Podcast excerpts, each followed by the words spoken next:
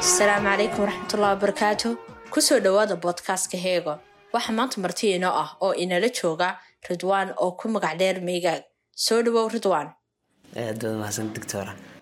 maanta waxaynu ka hadlaynaa shakhsiyadda soomaaliga ah saameyn iyo sameyn duluucda mawduuca aynu ka hadli doono waxa ay tahay sooyaalka taariikhda sida ay u saameysay qofka soomaaliga ah deegaanada iyo shaqada uu qabtaa sida uu wax uga bedelay shakhsiyadiisa iyo dhaqamada aaminaadaha iyo sidoo kale soo jiraanadu sida ay wax uga noqdeen dhismihiisa qofnimada saddexdaasiba wax ka fahankooda waxa ay u adeegayaan fahanka shakhsiyadda soomaaliga ah. Haddaba mawduuca ballaadhan waxay ina siin doonaa ama inoo faahfaahin doonaa ustaad meygaaga soo dhawo ustaad. Bismillahi raxmaan raxiim aad baad u mahadsantahay doctor fatima mawduucan maanta aynu ka hadlaynaa waxa weeye shakhsiyadda soomaaliga sameyn iyo saameyn kolley sida mawduuca ka muuqata dulucdiisa aad buu guda ballaaran yahay. Maa wax lagaga gaarayo daqiiqado kooban balse inta aynu isku hawleyno ka gaadhisteedu waxa weeye inaynu cadayno dhabada culimada bulshadu ay u maraan marka la diraaseynayo qofka soomaaliga si guud si gaarane shakhsiyadiisa iyo sidii ay ku samaysantay iyo wixii wax ku soo kordhiyay ama wax ka bedelay. Haddii aynu ku bilowno si guudba culimada bulshadu baniaadanka waxay ka yidhaahdaan waxyaabo fara badan. Min laga soo bilaabo qeexitaanka qofka ama tacriif al insaan oo qaarba meel ula kacaan qaar yidhaahdo waa kaahin caqlaani qaarkood yidhaahdaan maya waa noole bulsheed qaarkood yidhaahdaan maya waxa weeye waa noolo ka uuman maado oo keliya ta maslaxadiisa iyo meeshii dhadhansigiisu yaalloon raaca oo qoloba meel ula kacan ka soo bilowga ikhtilaafka iyo ismarin waaga laysku mari waayiyo fahanka qofka qeexitaankiisa ayay ka muuqataaba inaan laysku waafaqaynin diraaseyntiisa haba loo sameeyo dhabooyin la raaca oo dee tusaalahaan oo kale ibnu khulduun oo kale wuxuu raacay dhabo uu ku diraaseeyey shakhsiyadda oo laga soo bilaabo qaabka uu sooyaalku qofka uu saameeyo oo deegaanka uu ku soo xigsiiyey qaabka wax uga noqdo qofka. Dabeetana uu ku xigsiiyey helitaanka xadaarad iyo waxaweeye fahanka shakhsiyadda xadaaradeed qaabka ay ku samaysmayso sidoo kale culimada kale ee bulsho qaarkoodba meel ula kacaan fahanka shakhsiyadaha qaarkood xaalad nafsiya ula kacaan sida almadrasa madrasada cilmi nafsiga ay ku daraasayso qofka shakhsiyadiisa iyo xaaladiisa nafsiga ay se wax uga noqdaan. Qaarkood ula kacaan deegaanka uu ku nool yahay iyo qaabka ay u saameyso. Markaa si guud culimada cilmiga bulshadu aad bay ugu kala tegsan yihiin marka laga hadlayo shakhsiyadda iyo fahankeeda iyo dhabada lagu diraaseynaya intaba balse innagu waxaan raaci doonaa hadduu alaydmo dhabada ah inaynu marka koowaad ka hadalno sooyaalka iyo taariikhdu qaabka qofka soomaaliga ama si guud qofka ay wax uga noqoto shakhsiyadiisa ay uga soo muuqato iyo afkaartii ku jiray taariikhdaasi qaabka ay jiilasha dambe iyo facaha dambe soo socda. Ay uga soo muuqato qodobka koobaad kaasuu noqon doono. Kadibna waxaan ku xigsiin doonaa bal inaynu faalayno oo aynu waxoogaa faaqidno habnololeedka mujtamacu leeyahay. Hadduu yahay mujtamacaasi mid dhaqata ah hadduu yahay mujtamacaasi mid falata ah hadduu yahay mujtamacaasi mujtamac xadaariya oo ganacsiya ku nool. Qaabka ay shakhsiyadda qofkaas deegaanka ku nool ee shaqooyinka qabanaya ee nolosha mumaaraseynaya ay shaksiyadiisa u qorto ay u qaabayso. Migaag iminka dhaqankii waa laga tegay dadko dhan dhaqankii dhaqan guuraa baynu noqonay. Yani waxyaabaha inagu saameynta badan iminkaan odhan kara waa social mediumka. Adiga maxay kula tahay fikriyan mawduucaas? Waxaan jeclaan inaad sii taabatid. Xagga dambe mawduucina ka taabatid marka hore marka dhammaystirtid mawaadiicdan hore. waxay ka mid tahay habnololeedkiiyo. Mar haddii dee laga hadlayo qaabkii uu qofku u noolaa oo fikradihii ku jiray qaabkaasina ay isaga wax ka noqonayaan. Way mudan tahay in la diraaseeyo qeyb weyn imika uu ka yahayba shaksiyadda qofka soomaaliga iyo shaksiyadaha si guud dadka caalamka. Baraha bulshada si guud internetka si gaarane barayaashan lagu kulmeeya facebook iyo twitter iyo instagram ka mid yihiin. Marka iyadana wax laga yidhaahdo kolley si halaas iyo guudmara way mudan tahay. Waa habnololeedkii noqdadaasi noqdada saddexaadna waxay noqon doontaa caadooyinka iyo dhaqamada soo jireenka iyo sidoo kale aaminaadaha qofku aaminsan yahay sida ay u qorto una qaabayso qofka una samayso aragti kulliya uu nolosha ku eego aragti sare uu nolosha ku eego. Iyo sidoo kale aragtidaas sare dhaqano iyo ficilo ka soo dhambalmaya oo joogtadii dabeetana ka soo muuqanaysa. Haddii aynu digta hore ku bilowno nuqdada koowaad ee ah sooyaalka iyo taariikhda fikradaha ku jira qaabka ay uga soo muuqdaan shaksiyadda soomaalida dabeetana aynu ka dhigno tusaalahaan oo kale tusaale taarikhda qofka soomaaligii waxay ka bilowmaysaa ka hadalka isirka qofka soomaaliga isirka qofka soomaaliga oo isaga qudhisa dood weyn ka taagan tahay habadee dadka qaarkood ama qorayada qaarkood ha u laabtaan oo meelaha ugu keena xidhaan balse iyadoo saa tahay haddana weli baa ka aloosan ee mawduuca ah qofka soomaaliga halku ka soo jeeda. Iga raa noqon kaa dhex ma dhici kartaa dadka qaar ba aaminsan in aynu ka soo jeedno dhinaca carabta. Yani waxaa leeyahay aabayaashan ama ajiyaashan hore yaman walaa ma garanaya dadka carabtun baynu badanka ku biirna la isku biiriya. Waxaas wax ma ka jiraan horta diraaseynta isirku kolleyba laba dhabo unbaa loo maraa. Dhabo waa diraaseynta afka. In la diraaseeyo luqada iyo afka ummadi leedahay iyo halka ay waxaweye salkeeda ku xiran yahay. Midna waxa weeye aasaarta ama waxaweye hareenada bulshada iyo in la furfuro oo dabeetana laga dhex ogaado haraayada iyo turaadkaas halka ay bulshadani ka soo jeedo labadaa dhababa dee runtii waxaa kala maray mufakirka axmed ibraahim cawaale oo buuggiisa dirka sacmaalada ku diraaseynaya aahaarta mujtamaca soomaaliyeed gaar ahaana deegaanka laasgeel. Sidoo kale dhanka diraaseynta afkana waxaa maray mufakirka laashinka ee cabdilaahi mansuur.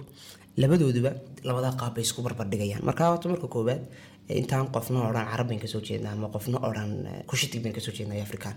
Marka koowaad waa in la isla eegaa nuqdada ah halk sideebaa loo maraya habkeebaa loo maraya diraaseynta afki iyo diraaseynta turaaska haddii labadaa loo marana inta badan waxaa cadaanaysa in qofka soomaaligii aan marnaba ka soo jeedin mujtamacaadka carbeed si ula leeyahay gacan saar. Tusaalahaan oo kale diintii afka qeyb ka mida oo de maadaama taasiirkii waxaweye diintu jiro uu jiraya saameyntii luqadeed sidoo kale imaanshihii carabtu ay iman jireen deegaanada. Qeyb weyn bay ka tahay in mujtamaca soomaaliga ay isku milmaan. Marka mujtamaca soomaaliga sidiisaba siduu axmed axmed ibrahim soomaaliga ku sheegaya ma aha noole barax tiran oo keliya qura ka kooban. Waa isira fara badan oo isgalgalay laakiin asalkiisa hore uu mar leeba yahay afrikaan aan ahayn carab waana la qabaa runtii fikradda marka ka laga soo bilaabo isirka dictora lagu soo xigsiiyo hadduu ilaahay kuu idmayo sooyaalkii laga soo gaadheenkahaye haddii ay noqoto markii koowaadee la helay magaca soomaaliga futuuxaad alxabasha buugga la ihahdo iyo sidoo kale heystii ka horreysay hees libaneedka ahayd ninkii oromada kaga libanaystay ninkii jasiiradan sacaadadiin joogay ee boqorka ah ee boqor cabdiraxmaan. Ilaa laga soo gaadho isticmaalkii intaa ka horreysay si teelteela baa loo hayaa maadaama de ay iska caddahay marka mustacmirku yimaado ama gumaystuu bulsho yimaado in inta fara badan uu cagta mariyo oo dadafeeyo baabiiyo sooyaalka hay lahay.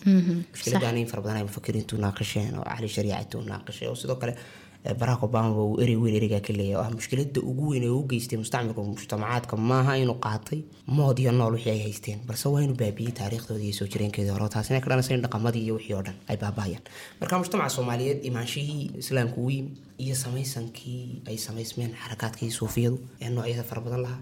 Xarakaadkaa suufiyadu qaabka ay wax uga geysteen mujtamaca ablaableyntiisa hadday noqoto shakhsiyadda qofka iyo hadday noqoto waxbarashadiisa iyo hadday noqoto qaabkii qabiiladii mujtamacu deganayeen inay furfureen oo ay ka dhigeen qaab isweheshiya in maadaama dhalinyartii ay reeruhu ka kala dhashay wax wada baranayaan in hadhow marka reerihii ku noqdaan ay iskaashi meesha yimaado iyo wadajir ilaa laga soo gaadhayo mustacmirkii. Marka taasi aad bay u saamaysay mujtamaca soomaaliga imaanshaha islaamka.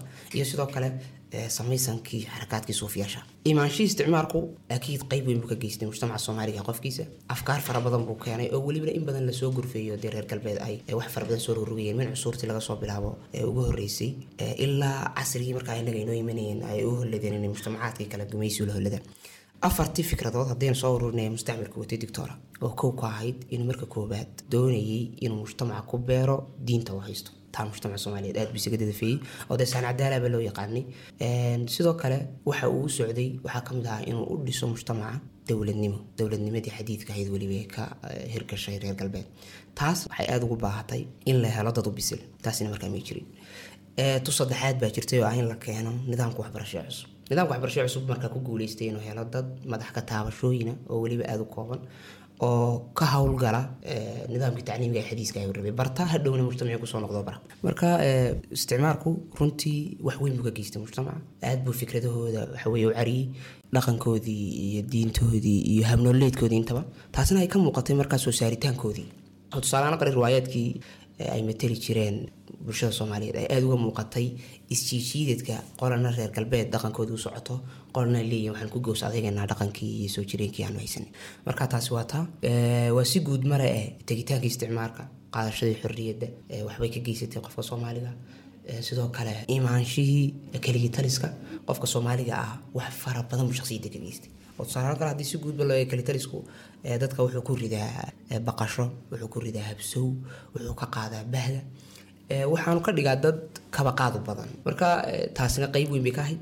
Iyo wixii dambe ka dhashay markii uu sii tegayay kelitalisku ay ahayd in qabaa'il loo kala baxo mujtamacii mar labaad samaysankiisii markii koobaad ba hore uu samaysnaa qaab qabiil. Uu mar labaad ku noqdo weliba qaab gows ku qabsiya oo dee qofku meesha qulu ku baxsan karaya ay noqotay inuu dabada geliyo reer burburkaas iyo xaaladan hadda la joogo ee dowladahan yaryar ee aan waxba saa u sii raaridnayn iyadoo ku dheeda qofka soomaaliga ee de saameyn bay ku leedahay. Iyadana waxaan xusnayn oo sheegid laakiin mudan laga yaaba inay ka soo muuqataan habnololeedka safaradii fara badnaa ee mujtamacu galay intaa wixii ka dambeeyey markii burburku dhacay. Qofka soomaaliga waxweyn bay ka geysatay shakhsiyadiisa haddaynu nimaadno qodobka labaad oo waa si guuduun dee faallaynta taxanaha taariikheed sida uu qofka wax uga geysan karayo gaar ahaan qofka soomaaliga ah taariikhdiisa isbedbedelka lahayd. Min laga soo bilaabay imaanshaha eh, islaamka. Ilaa laga soo gaarayo burburka iyo hadda dowladahan eh, inoo taagan eh, intii u dhaxaysay fikradihii iyo axdaastii iyo dhacdooyinkii jiray. Qaabka ay uga soo muuqan karayaan qofka. Diraasayn bay u baahantay intaa ka sii badan. Dabcan laakiin waa guud intani. Qodob kale waxa weeye habnololeedka qofka soomaaliga eh, gaar ahaan eh, haddii la sii kala qaado maadaama isku habnololeedahayn dadka soomaaliyeed oo qaarkood yihiin geel dhaqato. Qaarna yihiin reer magaal yihiin. Qaarkoodna intii dambe reer magaal noqdeen. Qaarkood beer farata ahaayeen Eh, qaarkood ahaayeenba dabato. Iyo dad ku nool waxa weeye eh, kalluumaysiga iyo meelaha webiyaasha kaag dhow. Eh, habka uu qofka soomaaliga u noolaa shakhsiyadiisa wax weyn bay ka geysatay habnololeedkaas aynu soo sheegnay. Qofka soomaaliga ah aad buu uga soo muuqday. Oo tusaale kale markuu diraaseynayay ibn khulduun eh, doctora ee habnololeedyada ummadda. Wuxuu isagu kala qaadaya qaab reer baadiye iyo reer magaal. Waxaanu soo qaadanaya ibn khulduuneyn oo ahaa markii koowaad badii ablaableeyey cilmiga bulshada. Wuxuu sheegayaa in reer magaalku habka ay u nool yihiin ay sifaad dhasho iyo caadooyin iyo dhaqano aynu kasbanno Mhm. ee reer miyiguna sidoo kale ayaguna kasbadaan biaday ku nooliyeen mujtamaca oo tusaale ahaan oo kale ee, geesinimada ay ku suntan yihiin reer miyigu maadaama oo qofku awoodiisa oo dhan gelinayso uu naftiisa oo ilaaliyo. Cid kaloo ilaalinaysa aan jirin. Difaac badan buu gelaya qofkaasi dadka ahaa. dabcan. Ee, sidoo kale qofka halka qofka reer magaalkii uu da isku halaynaya dowladnimadii oo aanay jirin cidba cid ka xoog weyn. Sax kalaamka waa runta waa runta. Marka noloshaas ay mujtamacii soomaaliyeed markii hore ku noolaayeen. Ee tusaalahaan kale raacatada dadkii geela iyo ariga iyo looda raacan jiray ay dee safar wax kastuu sameynaya kama laha cid dan. Ishaysadka bulshadii iyo waxyaabahaas qiimo fara badan laha. Laga yaaba hal mar bay qiimo u sameynaysaa oo marka dagaal la gelayo ama geel laga dhacay ee laga soo dhici oo markii mushkila dhacdo wax la wada bisabt. halka tusaalahaan kale dadkii ku noolaa qaabka beer faratada ay ka nolol deganaayeen oo ka amniya nabad jeclaayeen dadkii Waa runta. dee asxaabta waxa weeye ka soo jeeda deegaanada geellaqatada waxay badan kuu sheegayaan in xataa kala farqiga labada beerood keliya ta loo isticmaali jiray beeritaanka dacar faataxada lagu akhriyi jiray dabeetana qaabkaas ay sanawaad fara badan iyo gu'yaal fara badan iska ahaan jirtay labada beerood. Aana cidna cid ku takrifarin cidna cid u gudbayn yani labada beerood markay sameeyaan maxay sameyn jiray? Ii kala faahfaahaya kalena Ay, xirka marka labada beerood tusaalaha kale marka la doonaya in la kala waabo oo loo dhigo xuduud keliya hata waxaa la isticmaali jiray beeritaanka dacarta dacartaasaa la beeraya labada beerood dhexdooda lagu beeraya keliya halka inaga laga yaaba dadkan eh, dee waxa weeye ina buur weyn laga dhinac dhisa ha gidaara la dhisa waxay taasi ku tusinaysaa amniga iyo dadku qaabkay u bislaayeen. Iyo sidoo kale marka la Iyo doonayo- kalsoonida isku haya. aad, aad. marka la doonaya in cid la caawiyo dee dhammaan waa laisugu soo gurman jiray marka la doonaya in hal beer la falo ama hal beer la jaro. Maxsuulka haya ee taasina markaas si guud qofka soomaaliga habka uu u nool yahay. In badan waa la daraasiyey marka qofka soomaaliga ka soo imanayay reer baadiyanimada uu imanayay reer magaalka. Reer magaalkii uu ku soo booday weliba. Mar qura dee dowladnimo uu helay isagoo marka hore xeerar yaryar oo shajabay isaga dhaqmiyay iyo sidoo kale dee noloshii ahayd geellaqatada iyo falatada oo hal mar layidhi hoo masaanicdan iyo hayaakishan eh, dowladnimo inay aada uga muuqatay ta ugu dambeysa aynu ku eegeyno markaaynu eegeyno shaksiyadda qofka soomaaliga sameeya saameynta waa caadooyinka iyo dhaqamada soo jireenka iyo sidoo kale aaminaadaha allahu akbar. Taasi waa waxyaaba aynu aadka ugu badanay weeyaan aad aad waana ka muuqanaysaa markuu qofku aaminaadihiisa tusaalahaan kale qofka diinta waa aaminsan yahay keliya tamaha diintu aaminsan yahay iyo tafsiirka diinta la saarayo iyo sidoo kale dhaqamada iyo caadooyinka ka soo dhashay sooyaalkii dheeraha soo taxnaa ee uu noolaa. Waxa ay wax weyn oo welibana muuqdo oo la taaban karaya ka noqonayaan marka la diraasanayo qofka shaksiyadiisa taa waxaynu leenahay ama waxaa jirtaa inaad u fiirsato garami dadkii hore waxyaaba badan diinto xaaraan ka dhigin ama xalaal ka dhigin ba iyagoo xalaalsan jiren xaaraan sameyn jireen. Dabcan dabcan. Marka markaynu faalaynayna musaafir dhaqamadaas oo kale waa in loo kala saaraa dhaqamada kuwa san iyo kuwa siloon kuwa taban iyo kuwa togan dabeetana kuwii wanaagsanaaye tognaa lagu gows adeega. Waayo mujtamac kasta waxaa soocaya waa thaqaafadooda iyo dhaqankooda. Markastoo qofku thaqaafadaha iyo dhaqanka ka salkaco sidii uu gorfeynayay cabdiwaa masiiri inaan qofna wax soo kordhin karin isagoo ka salkacsan thaqaafadiisa. Sidoo kalena uuba ka dhigayeyba cali shariicati markuu ka hadlayo seesaska ay ka dhaqaaqayso xadaaradu seeska thaqaafada. Marka dhaqamada togan ee bulshadu leedahay in lagu gows adeego oo la haysto maadaama ahaanshaheeni waa kuma qofka soomaaliya ay ka dhex muuqanayso.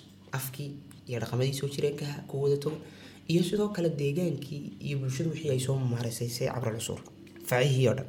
Ta labaad waa in dhaqamada taban meel lagu soo wajeysada iyadoo loo adeegsanayo caqliga fayo sidoo kale loo adeegsanayo ka horteedna islaamka iyo diinta aynu haysano waxaa sidoo kale iyadana digta aan xanafi jirin in dhaqamada qaarkood la soo dhaxlo oo waxaweye la kala qaatay bulshooyinka. Caadina tahay in dhaqan bulsha leedahay dhaqan kale uu gudbo taasina ay ku timaado hayaanka bulshooyinka iyo hijrada. Wax la baasaysto aanay hayn in dhaqan bulsho meel kala yimaado laakiin keliya tahay ka hordeyna ay tahay in dhaqamo dhammaystiran bulsha leedahay kuwo kale lagu faralyeela sidii uu socday isticmaalku saddexdaasaynu ku eegi karnaa si guud maadaama waqtiguna iska kooban yahay qaabkii ama dhabadeebaa loo mari karaya diraasiinta qofka soomaaliga ee fahankiisa fahanka maxaa ka dhalanaya marka fahanka waxaa ka dhalanaya lamber kow in qofka soomaaliga ah marka la fahmo loo sameyn karaya hanaan ismaamul oo dheelitiran hab ismaamul iyo hab dowladnimo ha noqoto mid xadiisa oo habkan imka aynu wadnaa oo la sii casriyey ama ha noqoto qaab cusub oo aynu la nimaadno waa talabaad in fahankaas ay ka dhalanayso in la dhaqankiisu fududaato